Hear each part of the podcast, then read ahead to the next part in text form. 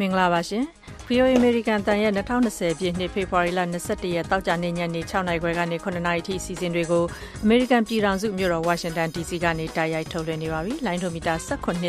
25တို့နဲ့အတူ VOA ရဲ့ Facebook စာမျက်နှာ VOA Burmese News ကနေပြီးတော့လည်းအတန်လွှင့်ချိန်နဲ့တပြေးညီနားဆင်နိုင်ပါတယ်ရှင်။ ကျမခွာညိုပါခုညနေခင်းအစီအစဉ်တွေတာဝန်ယူပါမယ်ရှင်ကျမဆုမြတ်မို့ပါရှင်လာမယ့် American ရွေးကောက်ပွဲမှာလုံခြုံရေးနဲ့ပတ်သက်လို့လွတ်တော်အမတ်တွေကိုရှင်းလင်းတင်ပြခဲ့တာကြောင့်ထိတ်တန်းထောက်လှမ်းရေးတာဝန်ရှိသူကိုသမ္မတယာဒူးကနေဖြုတ်ခဲ့တာလို့ American သတင်းမီဒီယာတွေမှာဖော်ပြကြပါတယ် Diamond Princess အပျော်စီးသင်္ဘောကြီးပေါ်ကကယ်ထုတ်ခဲ့တဲ့ Australia နှစ်ယောက်စီမှာ Coronavirus ပိုးတွေ့ရှိခဲ့ပါတယ်အခုလိုနောက်ဆုံးရသတင်းတွေကိုကိုရန်နိုင်နဲ့အချိန်ညာပေးပါမယ်ရှင် အခုညနေခင်းဆက်သွယ်မေးမြန်းချက်တွေသတင်းလွှာတွေထဲမှာတော့တရုတ်နိုင်ငံကမြန်မာနိုင်ငံမြန်မာရွှေ့ပြောင်းအလုပ်သမားတွေဟာကိုရိုနာဗိုင်းရပ်စ်ကူးစက်ခံရမှာစိုးရိမ်လို့နေရပြန်ကျင်တဲ့အကြောင်းကောင်စစ်ဝင်ရုံးကိုဆက်သွယ်လာနေကြတဲ့ပါတယ်မြန်မာတန်ယုံပေချင်းကတက်တက်စင်ကျမတို့ဘက်မှာ800ကျော်ရှိပါတယ်ရှင်အဓိကတော့လေကိုယ်နိုင်ငံသားမဟုတ်တဲ့သူတွေပါသွားမှဆိုတာရယ် နန်နင်းမြို့မြန်မာကောင်စစ်ဝင်ရဲ့ပြောကြားချက်နဲ့အတူနားဆင်ရမှာပါအခုလိုကိုရိုနာဗိုင်းရပ်စ်ကူးစက်နေတဲ့နိုင်ငံတွေအားလုံးအနေနဲ့ကမ္ဘာ့ကျန်းမာရေးအဖွဲ့ WHO နဲ့အတူလက်တွဲပြီးဒီဗိုင်းရပ်စ်ကူးစက်ပြန့်နှံ့နေတာကိုထိန်းချုပ်ဖို့နဲ့အပြည့်သက်တိုက်ဖြတ်သွားဖို့ WHO ကထပ်ပြီးတော့တိုက်တွန်းလိုက်တာကိုလည်းပြောပြပေးမှာပါရှင်။တခါ2008ဖွဲ့စည်းပုံပြင်ဆင်ရေးဒုတိယမူဒုတိယအကြိမ်မူကြမ်းကို10ရက်အတွင်းပြီးအောင်လုပ်မယ်အကြောင်းပြည်ထောင်စုလွှတ်တော်နာယကကဒီကနေ့ပြောခဲ့တာကိုလည်းနားဆင်နိုင်မှာဖြစ်ပါတယ်။ ဒီလိုသတင်းလွှာတွေမတိုင်ခင်အခုအရင်ဆုံးတော့တောက်ကြနေညနေခင်းထိတ်တန်းရောက်နေတဲ့ဒေသရင်းနဲ့နိုင်ငံတကာသတင်းတွေကိုမဆုမြတ်မွန်နဲ့ကိုရန်နိုင်တို့ကပြောပြပေးပါမယ်ရှင်။ American မှာ November ကျင်းပမယ့်သမ္မတရွေးကောက်ပွဲလုံခြုံရေးနဲ့ပတ်သက်လို့လျှို့ဝှက်အချက်လက်တွေကိုထောက်လှမ်းရေးအကြီးအကဲကလွှတ်တော်အမတ်တွေကိုရှင်းလင်းပြောကြားခဲ့တာကြောင့်သူ့ကိုသမ္မတ Donald Trump ရာထူးကနေဖယ်ရှားခဲ့တာလို့ American သတင်းမီဒီယာတွေမှာဖော်ပြနေကြပါတယ်။ အမျိုးသားလုံခြုံရေးယာယီညွှန်ကြားရေးမှူး Joseph Maguire ကပြီးခဲ့တဲ့တပတ်မှာအောက်လွှတ်တော်ထောက်လှမ်းရေးကော်မတီဝင်တွေကိုရှင်းလင်းတင်ပြခဲ့တယ်ဆိုတာသမ္မတ Trump ပြန်လည်သိရှိခဲ့ပြီးတဲ့နောက်အတော်လေးမကျေမနပ်ဖြစ်ခဲ့တယ်လို့ Washington Post နဲ့ New York Times သတင်းစာကြီးတွေထဲမှာဖော်ပြခဲ့ကြပါတယ်။သမ္မတသိရှိပြီးနောက်တနေ့မှာပဲညွှန်မှု Maguire ကိုအိမ်ဖြူတော်ခေါ်တွေ့ပြီးတော့သူ့နေရာမှာတခြားတယောက်နဲ့အစားထိုးဖို့သမ္မတဆုံးဖြတ်ခဲ့တာဖြစ်ပါတယ်။2020သမ္မတရွေးကောက်ပွဲကြရင်သမ္မတ Trump ပြန်လည်အနိုင်ရနိုင်အောင် ရုရှားကြားဝင်ဆောင်ရွက်နေတဲ့အကြောင်း ညွှန်မှုမကွာရရဲ့ ထိတ်တန်းအကြံပေး Shelby Pearson ကလွှတ်တော်အမတ်တွေကို ပြောကြားခဲ့တဲ့ကိစ္စအပေါ် သမ္မတအတော်လေးဒေါသထွက်ခဲ့ကြောင်း New York Times သတင်းစာက ပြောပါတယ်။သမ္မတဟာ တိုင်းပြည်ထက် သူ့ရဲ့အကျိုးကို ရှေ့တန်းတင်နေတာ အင်မတန်စိုးရိမ်စရာဖြစ်တယ်လို့ အောက်လွှတ်တော် ပြည်တွင်းလုံခြုံရေးကော်မတီဥက္ကဋ္ဌ Benny Thomason ကကြာသပတေးနေ့ကညာချက်ထုတ်ပြန်ခဲ့ပါတယ်။ အမေရိကန်သမ္မတ Donald Trump ရဲ့ အနီးကပ်လျုံတူဖြစ်တဲ့ Roger Stone ကို2016အမေရိကန်သမ္မတ ရွေးကောက်ပွဲမှာ ရုရှားရဲ့ ကြားဝင်နှောက်ယှက်မှုနဲ့ ပတ်သက်ပြီးတော့လွှတ်တော်ရဲ့ စုံစမ်းစစ်ဆေးမှုတွေကိုနှောက်ယှက်ပေးတယ်ဆိုပြီးတော့အမေရိကန် ပြည်ထောင်စု တရားသူကြီးက ကြာသပတေးနေ့မှာ ထောင်ဒဏ်3နှစ်နဲ့4လချမှတ်လိုက်ပါတယ်။တရားလိုရှိနေဒီဘက်က Roger Stone ကို အခုချမှတ်ထားတဲ့ ပြစ်ဒဏ် ထက်နှစ်ဆချမှတ်ဖို့ကနဦးမှာအကြံပြုခဲ့ပေမဲ့လည်းရှင်းနေချုပ် William Barr ကဒီအကြံပေးချက်ကိုပယ်ချပြီးတော့ပြစ်ဒဏ်ကိုထပ်ဝက်လျှော့ချခဲ့တာဖြစ်ပါတယ်။အခုလို Roger Stone ကိုပြစ်ဒဏ်ချမှတ်လိုက်တာဟာတရားမျှတမှုမရှိဘူးလို့သမ္မတ Trump ကဝေဖန်လိုက်ပြီးတော့သူ့အနေနဲ့သူ့ရဲ့မိတ်ဆွေကိုသမ္မတရဲ့လွတ်ငြိမ်းချမ်းသာခွင့်ပေးပြီးပြန်လွှတ်မဲ့တာအစားတရားဥပဒေလမ်းကြောင်းအတိုင်းဆက်လုပ်ဖို့ပဲခွင့်ပြုသွားမှာဖြစ်တယ်ဆိုပြီးတော့ပြောပါတယ်။ Roger Stone နဲ့ သူ့ရဲ့ ရှေ့နေတွေဘက်ကတော့ ဒီမှုနဲ့ ပတ်သက်ပြီးတော့အသစ်ပြန်စစ်ဆေးနိုင်ဖို့အတွက် ပြင်ဆင်မှုတက်ဖို့လှုံ့ဆော်နေပါတယ်။ Roger Stone အနေနဲ့ သူ့ပေါ်ဆွဲချက်တင်ထားတဲ့အမှုတွေကို ပြန်လည်စစ်ဆေးကြားနာဖို့ တောင်းဆိုချက် မကြသေးတာကြောင့် သူ့အပေါ်မှာချမှတ်လိုက်တဲ့ ပြစ်ဒဏ်ကိုတော့သတင်းနှစ်ပတ်အတွင်းမှာကြခံသွားဖို့ရှိပါတယ်။ Stone ကို ထောင်ဒဏ်လ40မချခင်မှာတော့ ပြည်ထောင်စုတရားသူကြီး Amy Berman Jackson က Stone ရဲ့ အမှုနဲ့ ပတ်သက်ပြီးတော့သမ္မတ Trump အစိုးရအဖွဲ့ ကိုင်တွယ်ပုံကို ဝေဖန်ခဲ့ပါတယ်။ရှင်းနေချုပ်ဘာရဲ့ ဝင်ရောက်ဆွတ်ဖက်မှုဟာ ဖြစ်လေဖြစ်တာမရှိတဲ့ ကိစ္စဖြစ်ပြီးတော့ Stone ရဲ့ အမှုကို သမ္မတက လူမှုကွန်ရက်ပေါ်မှာဇက်တိုက်ရေးသားနေတာကလည်း လုံးဝကို မသင့်တော်တဲ့ကိစ္စဖြစ်တယ်ဆိုပြီးတော့ပြောဆိုခဲ့ပါတယ်ခင်ဗျာ။ Coronavirus ပိုးကူးစက်မှုကြောင့် ဂျပန်ဆိပ်ကမ်းမှာ သီးခြားခွဲစောင့်ကြည့်ခံခဲ့ရတဲ့ Diamond Princess အပျော်စီးသင်္ဘောကြီးပေါ်ကနေ ကယ်ထုတ်ခဲ့တဲ့ Australia နှစ်ယောက်စီမှာ Coronavirus ပိုးတွေ့ရှိတယ်လို့ Australia ကျန်းမာရေးတာဝန်ရှိသူတွေက ပြောပါတယ်။အစိုးရအစီအစဉ်နဲ့ သင်္ဘောကနေ ခေါ်လာသူ170ကို နိုင်ငံမြောက်ပိုင်း Darwin မြို့မှာသတင်းနှစ်ပတ် သီးခြားခွဲစောင့်ကြည့်နေချိန်မှာအခုလို ပိုးကူးစက်နေသူနှစ်ယောက်ကို စစ်ဆေးတွေ့ရှိတာဖြစ်ပါတယ်။ အဲဒီနှစ်ယောက်လုံးအခြေအနေကောင်းပြီးမကြခင်သူတို့နေရပြန်နိုင်ပါလိမ့်မယ်လို့မျှော်လင့်ကြောင်းကျန်းမာရေးအရာရှိချုပ် Brandon Murphy ကသတင်းတောက်တွေကိုပြောပါတယ်။တီးခြားခွဲစောင့်ကြည့်နေတဲ့သတင်းနှစ်ပတ်အတွင်းနောက်ထပ်ပိုးကူးနေသူတွေထပ်ရှိလာနိုင်တယ်လို့လည်းသူကပြောပါတယ်။တစ်ချိန်တည်းမှာပဲ Diamond Princess သင်္ဘောပေါ်မှာရှိနေသေးတဲ့ခရီးသည်တွေထဲမှာ Coronavirus ပိုးကူးစက်မနေပေမဲ့ပိုးကူးထားသူတွေနဲ့ထိတွေ့မှုရှိတဲ့ခရီးသည်တွေကို အစိုးရသတ်မှတ်ထားတဲ့နေရာမှာနောက်ထပ်14ရက်သီးခြားခွဲစောင့်ကြည့်မယ်လို့ဂျပန်ကျန်းမာရေးဝန်ကြီးဌာနကဒီကနေ့ကြေညာပါတယ်။ပိုးစတင်ကူးစက်တဲ့တရုတ်နိုင်ငံမှာတော့နောက်ထပ်ကူးစက်သူအရေအတွက်ဒီကနေ့ထပ်ပြီးကျဆင်းတဲ့အတွက်ကူးစက်မှုကိုထိန်းချုပ်နိုင်ပြီလို့တာဝန်ရှိသူတွေကဆိုနေပါတယ်။လွန်ခဲ့တဲ့24နာရီအတွင်းပိုးကူးနေတယ်လို့အတည်ပြုနိုင်သူ889ယောက်ရှိပြီးတော့သေဆုံးသူ118ယောက်ရှိတယ်လို့တရုတ်ကျန်းမာရေးကော်မရှင်ပြောခွင့်ရမီဖန်ကသတင်းတောက်တွေကိုဒီကနေ့ပြောပါတယ်။ဒါကြောင့်တရုတ်မှာစုစုပေါင်းပိုးကူးစက်နေသူ 95,465 ယောက်နဲ့သေဆုံးသူ 2,236 ယောက်ဖြစ်ပါတယ်။နောက်ထပ်ပိုးကူးစက်သူ ကျဆင်းနေပေမဲ့ ဒီပြဿနာက အဆုံးမသတ်သေးဘူးလို့ WHO ကျန်းမာရေးအဖွဲ့ကြီးက သတိပေးပါတယ်။ This is the time to attack the virus while it is actually manageable small number of cases ပိုးကူးစက်မှု ထိန်းချုပ်နိုင်နေချိန် virus ပိုးကို တိုက်ဖျက်ရမယ့်အချိန်ဖြစ်ပါတယ်။ကမ္ဘာတဝန်း ကူးစက်နေတဲ့အရေးအတွက်ကလည်း နည်းနည်းပဲရှိပါတယ်။အခုအချိန်မှာ ထိထိရောက်ရောက် မတိုက်ဖျက်ရင် လေးနဲ့တဲ့ပြဿနာတွေ ကြုံလာရနိုင်ပါတယ်လို့ WHO အကြီးအကဲ Tedros Ghebreyesus ကပြောကြားသွားတာပါ။ COVID-19 ရောဂါကုသနိုင်မယ့်ဆေးကို WHO ကစတင်စမ်းသပ်နေပြီး ထိရောက်မှုရှိမရှိ ကနဦးရလဒ်တွေကို လာမယ့် ၃ ပတ်အတွင်း သိရမယ်လို့ မျှော်လင့်ကြောင်းလည်း သူကပြောပါတယ်။တရုတ်နိုင်ငံအပြင် ကမ္ဘာတဝန်း25နိုင်ငံထက်မနည်းမှာ coronavirus ပိုးကူးစက်နေသူ1000ကျော်ရှိပြီး သေဆုံးသူ17ယောက်ရှိခဲ့ပါတယ်။တောင်ကိုရီးယားမှာလည်း နောက်ထပ်ကူးစက်သူ100ထပ်တွေ့တဲ့အတွက် စုစုပေါင်း ကူးစက်နေသူ200ကျော်သွားပါပြီ။ တောင်ကိုရီးယားနိုင်ငံမှာ ကိုရိုနာဗိုင်းရပ်စ် ကူးစက်ပျံ့နှံ့မှုတွေ ဆက်ပြီးဖြစ်လာနေတာကြောင့် မြို့တော် ဆိုးလ်မြို့မှာကြီးမားတဲ့ ဆန္ဒပြပွဲတွေနဲ့ ဘာသာရေးပွဲတွေ မလုပ်ကြဖို့ တားမြစ်လိုက်ပါတယ်။ကိုရိုနာဗိုင်းရပ်စ်ပိုး ကူးစက်ခံထားရသူ နောက်ထပ် လူ ၁၀၀ တွေ့ရှိခဲ့တာကြောင့် အခုဆိုရင် တောင်ကိုရီးယားနိုင်ငံမှာ ရောဂါပိုးကူးစက်ခံရသူ အရေအတွက်ဟာ သောကြာနေ့နှောင်းပိုင်းအထိ ၂၀၄ ယောက်ရှိသွားပြီဖြစ်တယ်လို့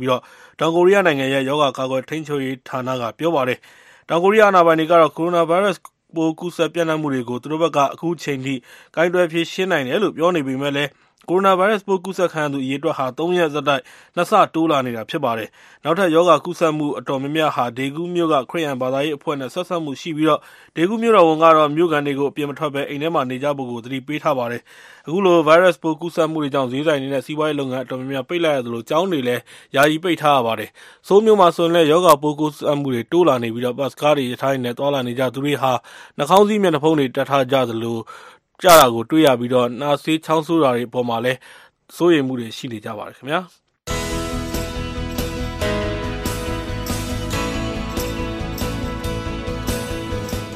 VOA American တန်ညနေဘက်မြန်မာဘာသာအစီအစဉ်တွေကိုညနေ6နာရီခွဲကနေညနေ9နာရီထိလိုင်းဒိုမီတာ7 kHz 10683ညလိုင်းဒိုမီတာ19 kHz 15563နဲ့လိုင်းဒိုမီတာ25 kHz 11965တို့ကနေထုတ်လွှင့်ပေးနေပါတယ်ရှင်။တောက်ချာနေညနေဘက်နိုင်ငံတကာသတင်းတွေကို VOA ကဆက်ပြီးတော့ကြီးညာပေးနေပါတယ်။ရခိုင်ပြည်နယ်ပြည်ပခတ်နဲ့ပတ်သက်လို့စုံစမ်းခဲ့တဲ့လွတ်လပ်သောစုံစမ်းစစ်ဆေးရေးကော်မရှင် ICOE အစီရင်ခံစာထဲမှာ အစုလိုက်အပြုံလိုက်တပ်ဖြတ်မှုတွေရှိခဲ့တယ်လို့ဖော်ပြထားတဲ့မောင်နုရွာနဲ့ချွတ်ပြင်ရွာကတပ်ဖြတ်မှုတွေကိစ္စကို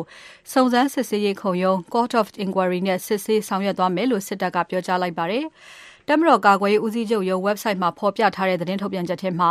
မောင်နုရွာနဲ့ချွတ်ပြင်ရွာဖြစ်စဉ်တွေကိုလေ့လာသုံးသပ်စီစစ်ခဲ့တယ်လို့ဖော်ပြထားပါတယ်။ဒီဖြစ်စဉ်တွေပေါ်စုံစမ်းစစ်ဆေးရေးခုံရုံးနဲ့စစ်ဆေးဆောင်ရွက်ပြီးတော့စစ်ဖက်တရားစီရင်ရေးရဲ့လုပ်ငန်းစဉ်တွေအတိုင်းစစ်တရားရုံးနဲ့စစ်ဆေးစီရင်မှု ကိုဥပဒေနဲ့အညီဆက်လက်ဆောင်ရွက်သွားမယ်လို့ရေးသားထားပါတယ်။အစီရင်ခံစာပါကြံဖြစ်စဉ်တွေကိုလည်းဆက်လက်လေ့လာသုံးသပ်စီစစ်နေတယ်လို့ပြောထားပါတယ်။ဂူရာပြင်ရွာဖြစ်စဉ်နဲ့ပတ်သက်လို့အရေးယူဆောင်ရွက်ဆဲဖြစ်ပြီးတော့စစ်တရားရုံးရဲ့စစ်ဆေးဆောင်ရွက်မှုအခြေအနေတွေကိုမကြခင်သတင်းထုတ်ပြန်မယ်လို့လည်းအသိပေးထားပါတယ်။အင်းတင်ရွာဖြစ်စဉ်နဲ့ပတ်သက်လို့တော့အရေးယူဆောင်ရွက်ခဲ့ပြီးဖြစ်တယ်လို့လည်း February လ20ရက်နေ့ကတပ်မတော်သတင်းထုတ်ပြန်ချက်မှာရေးထားပါတယ်။ ICOE ရဲ့အစီရင်ခံစာထဲမှာ2019 August လ29ရက်နေ့တုန်းကအာဆာတိုက်ခိုက်ရေးသမားတွေပုံနေတယ်ဆိုတဲ့တန်တရားနဲ့ချွတ်ပြင်ရွာကိုလုံခြုံရေးတပ်ဖွဲ့ဝင်တွေဝင်ရောက်တိုက်ခိုက်ခဲ့စဉ်မှာအာဆာအဖွဲ့ဝင်တွေအပါအဝင်ရွာသူရွာသား100လောက်အသက်ခံခဲ့ရပွဲရှိတယ်လို့ရေးထားပါတယ်။မောင်နုကျေးရွာမှာလည်းအစုလိုက်အပြုံလိုက်တပ်ခံရသူ100နဲ့200ကြားရှိပြီးတော့လက်နက်ကင်မဟုတ်တဲ့ရွာသားတွေဖြစ်တယ်လို့မျက်မြင်တွေကပြောကြောင်းကို ICOE အစီရင်ခံစာမှာရေးထားပါတယ်။ ဒီအစီရင်ခံစာထဲမှာမင်းကြီးရွာချွတ်ပြင်ရွာမောင်နုရွာနဲ့ဂူတာပြင်ကျေးရွာတွေမှာလုံခြုံရေးတပ်ဖွဲ့ဝင်တွေလက်ချက်နဲ့အစုလိုက်အပြုံလိုက်တပ်ဖြတ်ခံခဲ့ရတယ်လို့ဖော်ပြထားပါတယ်။ပြီးခဲ့တဲ့ဖေဖော်ဝါရီလ23ရက်နေ့ကဘူးသီးတောင်မြို့နယ်အတွင်းကြေးရွာတရာမူလာရန်ကျောင်းပေါ်လက်နက်ကြီးကြားရောက်ပြီးကျောင်းသားတွေထိခိုက်ဒဏ်ရာရတဲ့ကိစ္စဟာအေးရခိုင်လက်နက်ကိုင်အဖွဲ့ရဲ့လက်ချက်ဖြစ်တယ်လို့တမယုံပြောခွင့်ရဦးစောထေကဒီကနေ့နေပြီးတော့သတင်းစာရှင်းလင်းပွဲအတွင်းမှာ ပြောကြားလိုက်ပါတယ်။ကျောင်းသားတွေထိခိုက်ဒဏ်ရာရတဲ့အတွက်ကူညီစောင့်ရှောက်ဖို့ချက်ချင်းသွားရောက်ခဲ့တဲ့လူကယ်ပြန်ဝန်ကြီးဒေါက်တာဝင်းမြတ်အေးလိုက်ပါခဲ့တဲ့ရဟင်ဟာလည်းရာသီဥတုအခြေအနေအရနေမီပြန်တန်းချိန်မှာအေးအဖွဲ့ကလက်နက်ငယ်နဲ့ပစ်ခတ်တိုက်ခိုက်တာခံခဲ့ရတယ်လို့ဦးဇော်ထေးကပြောပါတယ်။အေးအဖွဲ့ပြောခွင့်ရခိုင်ဒုခကတော့ဘူးသီးတောင်မြို့နယ်မှာအစောပိုင်းဖြစ်ခဲ့တဲ့တိုက်ပွဲအတွင်းအထိခိုက်အကြဆုံးများပြားခဲ့တဲ့မြန်မာစစ်တပ်အနေနဲ့ စစ်ဖက်နဲ့မဆိုင်တဲ့ပြစ်မှတ်တွေကိုပါပစ်ခတ်ခဲ့ရာက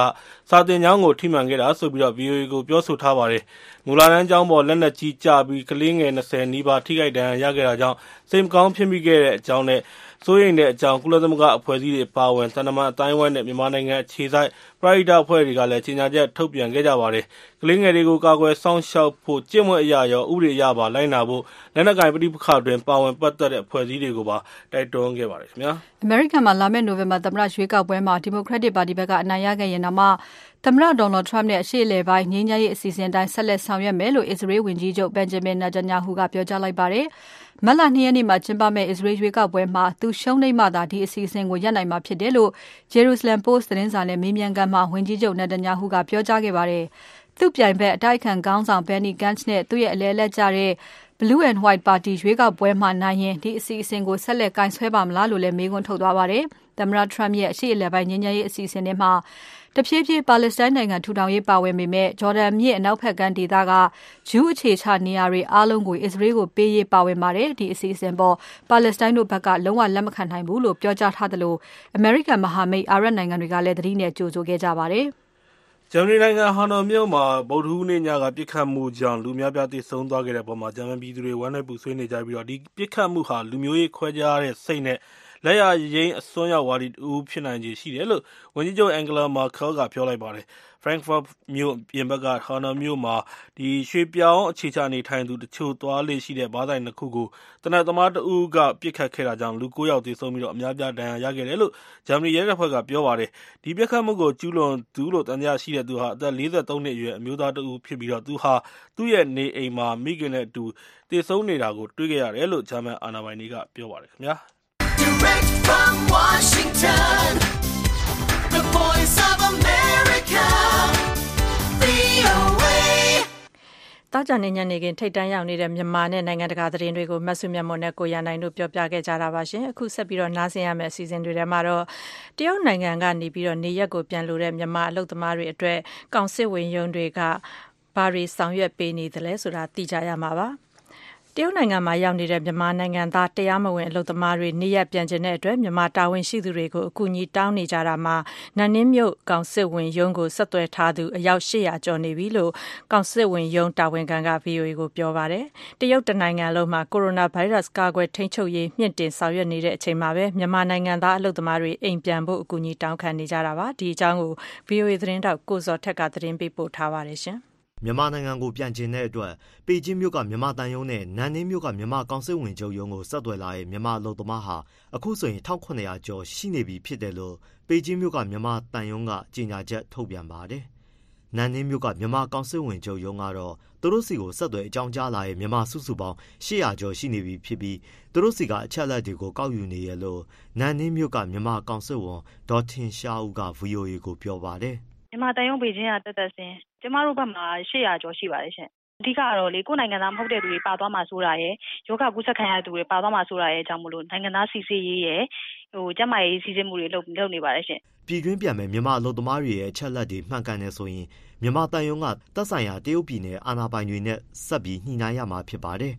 တရုတ်ပြည်တွင်မြန်မာတန်ယုံနဲ့ ကောင်စစ်ဝင်ရုံးအားလုံးကို အကြောင်းကြားစရင်ပို့လာတဲ့ မြန်မာအလုပ်သမား စုစုပေါင်းကပြန်မြ3000လောက်ရှိနိုင်တယ်လို့ ပေကျင်းမြို့ မြန်မာတန်ယုံဒုတိယအတွင်းဝင်က ခန့်မှန်းပါတယ်။တရုတ်နိုင်ငံမှာ အလုပ်သွားလုပ်ကင်နေကြတဲ့ မြန်မာလုပ်သားတွေဟာ COVID-19 ရောဂါကူးစက်မှာကို ကြောက်နေကြပေမဲ့ အများစုဟာ တရားမဝင် လာရောက်နေထိုင်ကြသူတွေ ဖြစ်တာကြောင့် တရုတ်ရဲတပ်ဖွဲ့နဲ့ ပူးပေါင်းဆောင်ရွက်ဖို့ကိုတော့ စိုးရိမ်နေကြကြောင်း တရုတ်ပြည်နယ် အရှေ့မြောက်ပိုင်းဒေသမှာ အလုပ်လုပ်နေတဲ့ ကိုဇော်နိုင်ထွန်းက ပြောပါတယ်။ဘယ်သူမှဆို ပြန်ကျင်ကြရဗျ။ဒါပေမဲ့ သူတို့ကတန်ရုံးဆက်သွယ်လိုက်လို့ရှိရင်တန်ရုံးက ရဲစခန်းကိုသွားပြီးတော့ဖမ်းခံခိုင်းမှာ အဲ့လိုမျိုးဆိုကြတော့ သူတို့က မပြန်ရဲကြဘူး အဲ့ဒါကြောင့် အဲ့လိုတန်ရုံးနဲ့ ဆက်သွယ်ပြီးတော့ လမ်းမှာ ရဲကပတ်စံပါလာမပါလို့ရှိရင် လမ်းမှာရှာခဲ့တာ အဲ့လိုမျိုးတာရကလည်း ရှိခဲ့ဗျ ကျွန်တော်တကယ်ချင်းဒီမိသွားတဲ့လူတွေလည်း တချို့ဆို ပြန်လွတ်လာကြပြီ တချို့ဆိုရင်9လ6လလည်း ပြန်မလွတ်ကြဘူး ဘယ်လိုလဲဆိုတော့တိကျ ကျွန်တော်လည်း မပြောနိုင်ဘူး မြန်မာတန်ယုံဘက်ကတော့ လုံထုံးလုံနည်းအရာတရုတ်နိုင်ငံရဲ့ ပြည်သူ့လုံခြုံရေးဌာနတွေနဲ့ ပူးပေါင်းဆောင်ရွက်ရတာဖြစ်ကြောင်းနဲ့ အဖမ်းခံရသူတွေအနေနဲ့ သူတို့ရဲ့ အချက်လက်တွေ မှတ်ကန်နေဆိုရင် မြန်မာတန်ယုံအနေနဲ့ ပြည်သူ့လုံခြုံရေးဌာနကို ထောက်ခံပေးမှာဖြစ်ကြောင်း နန်နင်းမြို့ မြန်မာကောင်စစ်ဝင်ချုပ်ရုံး ကောင်စစ်ဝန် ဒေါ်ထင်ရှားဦးက ပြောပါတယ်။“သက်ဆိုင်ရာဌာနကို ကျမတို့က အကြောင်းကြားလိုက်တဲ့အခါကျရင် သူတို့ကနေပြီးတော့ ဒီလူ ဒီလူတွေက နိုင်ငံသား ဟုတ်သလားဆိုတာကို ဒီဘက်ကို မေးလာမယ်။မေးလာတဲ့အခါကျရင် ကျမတို့က ထောက်ခံပေးမှာ။အဲလိုမျိုးပါရှင့်။ ဖမ်းဆီးတာမျိုးတော့ မဟုတ်ပါဘူး။အခုအနေကတော့ သူတို့ရောဂါအခြေအနေက ဆိုးနေတဲ့အတွက်ကြောင့်မို့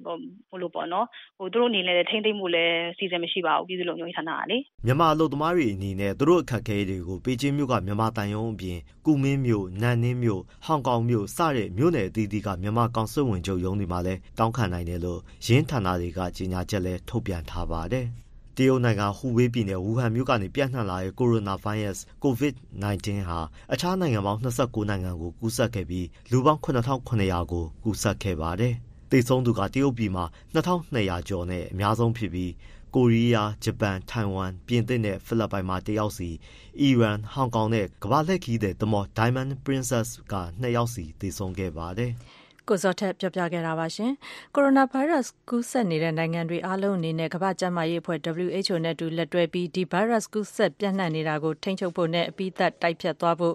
WHO ကထပ်ပြီးအလေးပေးတိုက်တွန်းလိုက်ပါတယ်။ကိုရိုနာတိုက်ဖျက်ရေးအတွက် WHO ကအဆင့်မြင့် အရှိန်မြှင့်ဆောင်ရွက်နေတဲ့ ဆောင်ရွက်ချက်တွေကို ချပြရင်း ကြာသပတေးနေ့က အခုလို တိုက်တွန်းခဲ့တာပါ။လက်ရှိအခြေအနေက စိတ်ချရတဲ့အနေအထား မဟုတ်သေးကြောင်း WHO ရဲ့ အကြီးအကဲ Tedros Adhanom Ghebreyesus က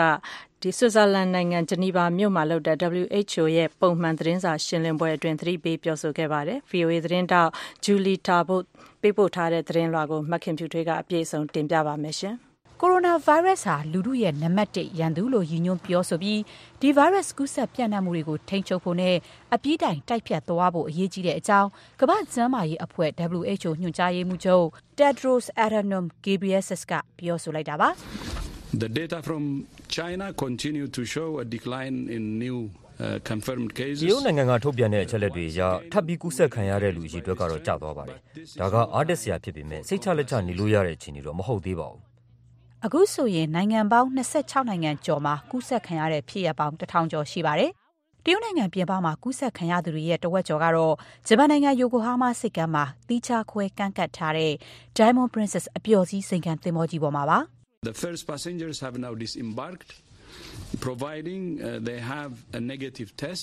ပြီးခဲ့တဲ့ ၁၄ ရက်အတွင်း ကူးစက်ခံရသူတွေနဲ့ လုံးဝထိတွေ့မှုမရှိတဲ့ ရောဂါလက္ခဏာအရရော ကူးစက်မှုပါမရှိတဲ့ ခရီးသည်တွေကို ကမ်းပေါ်တက်ခွင့်ပေးလိုက်ပါပြီ။ သူတို့ကို နောက်ထပ် ၁၄ ရက်အတွင်း အိမ်ထဲကနေ အိမ်ပြင်မထွက်ကြဖို့နဲ့ ကိုယ်ပူချိန်စောင့်ကြည့်ဖို့ ဂျပန်တာဝန်ရှိသူတွေက အကြံပြုထားပါတယ်။ရောဂါရှိနိုင်တယ်လို့ စိုးရိမ်စိတ်ဝင်လာရင်လည်း ချက်ချင်းအကြောင်းကြားနိုင်အောင် အရေးပေါ် ဖုန်းလိုင်း ဖွင့်ပေးထားပါတယ်။”အီရန်နိုင်ငံမှာလည်း လွန်ခဲ့တဲ့ တရက်အတွင်း သေဆုံးသူ ၂ ဦးအပါအဝင် ကိုရိုနာကူးစက်ခံရသူ ၅ ဦးရှိတဲ့အကြောင်း ထုတ်ပြန်ထားပါတယ်။တောင်ကိုရီးယားနိုင်ငံမှာတော့ နောက်ထပ် ကူးစက်ခံရသူ ၁၀၀ ကျော် တိုးလာတဲ့အကြောင်း WHO ရဲ့ ကျန်းမာရေး အရေးပေါ်အစီအစဉ်မှာ တာဝန်ထမ်းဆောင်နေတဲ့ ဒေါက်တာ Oliver Morgan က ပြောပါတယ်။“ တောင်ကိုရီးယားတာဝန်ရှိသူတွေအနီးကပ်စောင့်ကြည့်နေတဲ့နေရာတော်တော်များများမှာဒီကနေ့ထပ်မံကူးစက်ခံရတာတွေရှိနေတယ်ဆိုတာသိရပါတယ်။အရေအတွက်များပေမဲ့လို့အများစုကအစောပိုင်းကူးစက်ခံထားရတဲ့ဖြစ်ရပ်တွေနဲ့ဆက်စပ်နေတာကိုတွေ့ရပါတယ်။ အခုလို ရောဂါကူးစက်မှုတွေကို စောင့်ကြည့်တာအပြင် ကမ္ဘာ့နိုင်ငံတွေနဲ့အတူ လက်တွဲပြီး ဒီဗိုင်းရပ်စ် တိုက်ဖျက်ရေး ကမ္ဘာလုံးဆိုင်ရာ တုံ့ပြန်ဆောင်ရွက်မှုတွေကို ဦးဆောင် ကြိုးပမ်းသွားဖို့က WHO ရဲ့ အဓိက တာဝန်ပါပဲလို့ Ghebreyesus က ပြောပါတယ်။“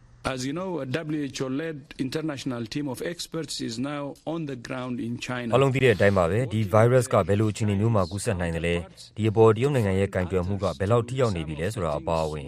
ဗိုင်းရပ်စ်ပိုးနဲ့ပတ်သက်တဲ့အချက်အလက်တွေကိုရှာဖွေသိနိုင်ဖို့အတွက်လက်ရှိတရုတ်နိုင်ငံမှာရောက်နေပြီးတရုတ်တာဝန်ရှိသူတွေနဲ့အတူလက်တွဲလုပ်ဆောင်နေတဲ့နိုင်ငံတကာကျွမ်းကျင်ပညာရှင်အဖွဲ့ကို WHO ကဦးဆောင်နေတာပါ။”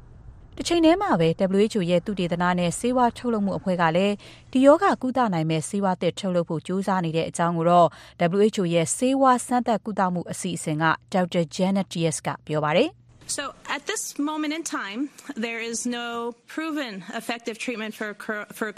“လတ်တလောအချိန်ထိကတော့ COVID-19 ရောဂါပျောက်ကင်းအောင်ကုသတဲ့နည်းကိုရှာမတွေ့သေးပါဘူး။ဒါပေမဲ့လည်းအခုလက်ရှိမှာပဲတရုတ်နိုင်ငံထဲမှာစမ်းသပ်ကုသမှုတွေကတော့စလုပ်နေပါပြီ။”တ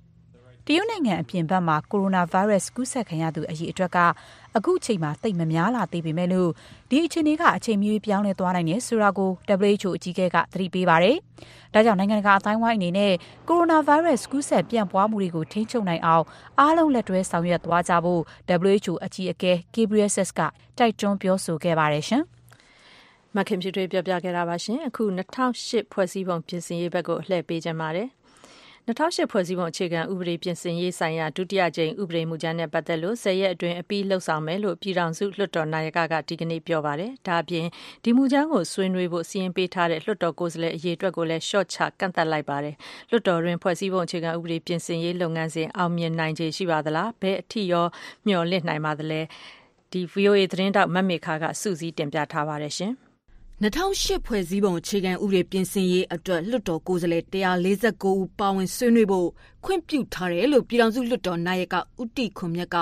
ဒီကနေ့ကျင်းပတဲ့ပြည်ထောင်စုလွှတ်တော်အစည်းအဝေးမှာကြေညာလိုက်ပါတယ်။ပြင်ဆင်တဲ့ဥပဒေမူကြမ်းများအပေါ်ဆွေးနွေးဖို့တူဦးလင်း10မိနစ်နှုန်းနဲ့လွှတ်တော်ကိုယ်စားလှယ်149ဦးအမည်စည်းရင်းကို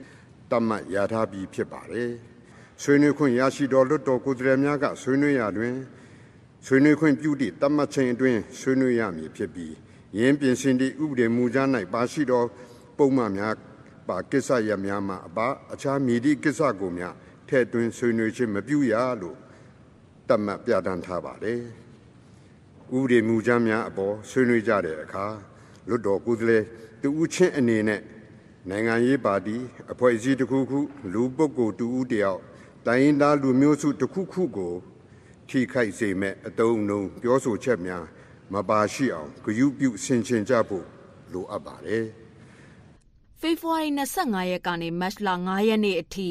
ခံမှန်းကြီး10ရက်အတွင်းမှာအပီးတက်လုပ်ဖို့ရထားတယ်လို့လည်းပြောပါတယ်။အရင်စရင်ပေးထားသူ282ဦးကနေ149ဦးကိုရှော့ချကန့်တက်လိုက်ပြီးဒီထဲမှာအနိုင်ရပါတီ NLD နဲ့တက်မတော်သားလွှတ်တော်ကိုယ်စားလှယ်တို့ကအရေးအတွက်တူအယောက်90စီနဲ့ဆွေးနွေးသွားမှာပါ။ ဆွေးနွေးမဲ့နေ့အလိုက် လူဦးရေစာရင်းကိုလည်း ထုတ်ပြန်ထားပါတယ်။တက်ကိုယ်စားလှယ်164ယောက် NLD အမတ်69ယောက်တတိပုဂ္ဂလနဲ့ တခြားနိုင်ငံရေးပါတီတွေက49ယောက် ဆွေးနွေးဖို့ စာရင်းပေးထားတာမှာဘလို့ညှိနှိုင်းသဘောတူညီချက်တွေ ရယူပြီး အခုလိုရှော့ချလိုက်တယ်ဆိုတာကိုတော့ ရှင်းရှင်းလင်းလင်း မသိရသေးပါဘူး။အခုဆွေးနွေးမဲ့ဥပဒေချမ်းထဲမှာ ပြင်ဆင်ဖို့ အဆိုပြုထားတဲ့ ပုံမှန်စုစုပေါင်း142ချက်ရှိပါတယ်။ ပြည်ထောင်စုလွှတ်တော်ကိုယ်စားလှယ်85ရာခိုင်နှုန်းကျော်ထောက်ခံရုံနဲ့ပြင်နိုင်မဲ့ပုံမှန်များအတွက်ဥပဒေကြမ်းတစ်ခုပြည်ထောင်စုလွှတ်တော်ကိုယ်စားလှယ်85ရာခိုင်နှုန်းကျော်ထောက်ခံမှုအပြင်ကျင်းပအတီးပြုပြီးကမှပြင်ဆင်နိုင်မဲ့ပုံမှန်တွေအတွက်ဥပဒေကြမ်းတစ်ခုဘောင်းဥပဒေကြမ်းနှစ်ခုအဖြစ်တင်သွင်းထားတာပါဆွေးနွေးတဲ့နေရာမှာတော့ဒီဥရေချမ်းတစ်ခုချင်းစီကိုခွဲခြားဆွေးနွေးဖို့မရှိဘဲတပေါင်းနဲ့လှုပ်ဆောင်မယ်လို့ဦးတီခွန်မြတ်ကပြောဆိုထားပါတယ်။ လွှတ်တော်တွင် ဖွဲ့စည်းပုံအခြေခံဥပဒေ ပြင်ဆင်ရေးလုပ်ငန်းစဉ်နဲ့ ပတ်သက်ပြီးလှုပ်ဆောင်မှုတွေအပေါ် အမျိုးမျိုး ဝေဖန်နေကြတာတွေလည်း ရှိနေပါတယ်။ဒီပြင်ဆင်ရေးလုပ်ငန်းစဉ်ကနေ အများကြီး မျှော်လင့်ဖို့ မဖြစ်နိုင်ဘူးလို့ သုံးသပ်လာသူကတော့ နိုင်ငံရေးလေလာသုံးသပ်သူ ဦးမင်းခင်ပါ။ဒီတိုင်းဆိုတော့ အများကြီးမျှော်လင့်လို့ မဖြစ်နိုင်ဘူး။နောက်ပြီးတော့တစ်ခုခုဖြစ်အောင် ကြိုးစားကြမယ်ဆိုတဲ့ အပိုင်းက တွေ့တော့တွေ့ရတယ်။ဒါပေမဲ့ ညှိနှိုင်းပြီးတော့ပြေလည်စေလိုတဲ့ဒီပြင်ဆင်ရေးဘောင်ထဲကပဲသွားဖို့ကြိုးစားနေတာတွေ့နေရတဲ့အခါကျတော့နိုင်ငံရေးရဲ့သက်ရောက်မှုကိုဒီပုံမှာပဲပိုပြီးတော့သူအာရုံထားနေကြပုံပေါ်လေရှိရတာပေါ့လေ။လက်တွေ့တကယ်တခုခုပြင်နိုင်မှုဆိုတာ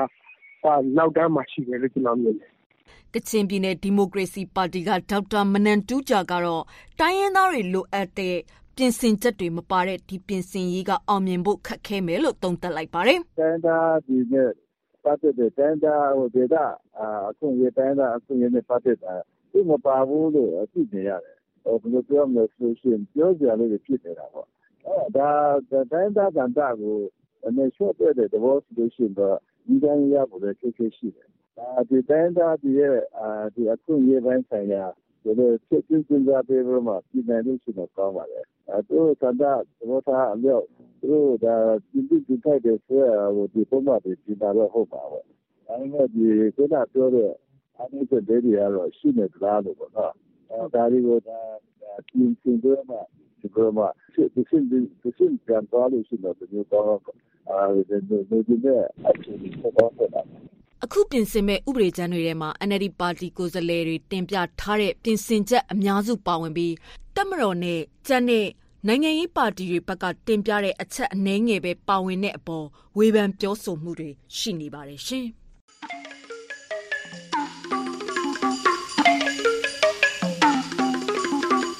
အခုလက်ရှိ အဂတိလိုက်စားမှု တိုက်ဖျက်ရေးကော်မရှင်ကို ဖွဲ့စည်းတာဝန်ပေးခဲ့တာတိတ်မကြခင် ရက်ပိုင်းအတွင်း6နှစ် တင်တင်ပြည့်တော့မှာဖြစ်ပါတယ်။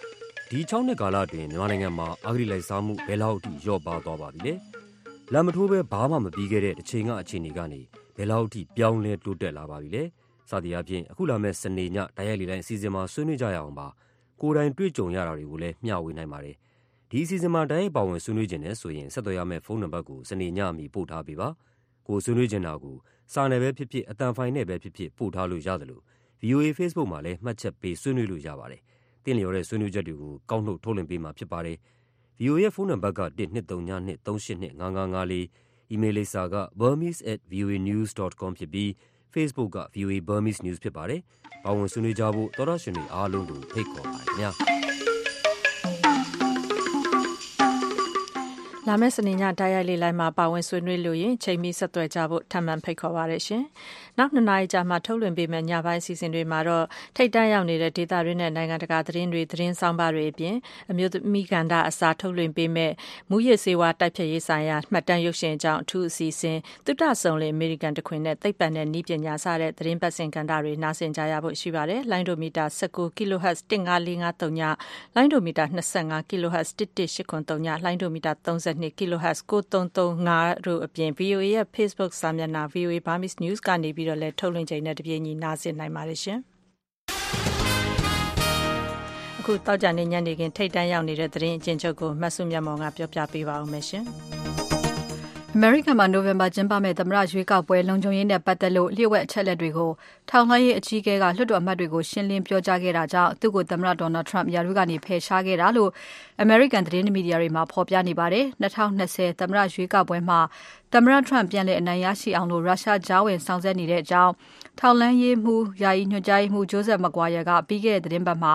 အောက်လွှတ်တော်ထောက်လှမ်းရေးကော်မတီကိုရှင်းလင်းတင်ပြခဲ့တယ်ဆိုတာသမ္မတ Trump ပြန်လည်သိရှိခဲ့ပြီးတဲ့နောက်အတော်လေးမကြေမနက်ဖြစ်ခဲ့တယ်လို့ Washington Post နဲ့ New York Times သတင်းစာကြီးတွေထဲမှာဖော်ပြခဲ့ကြပါတယ်။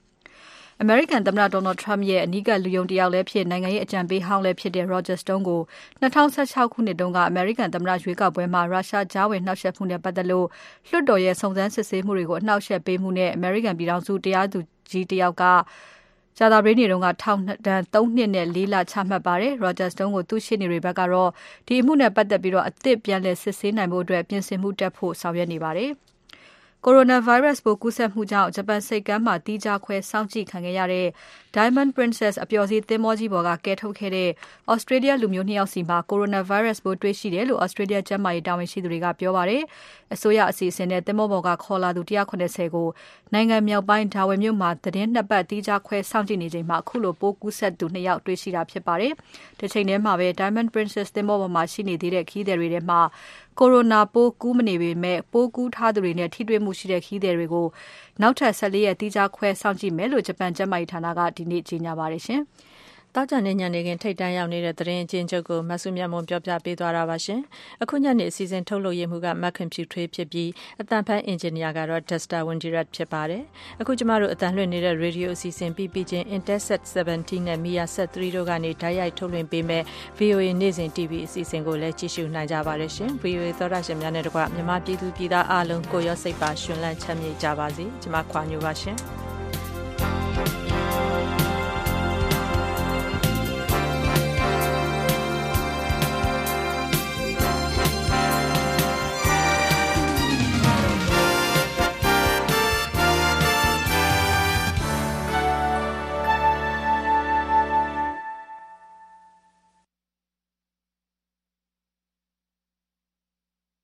This program has come to you from the Voice of America, Washington.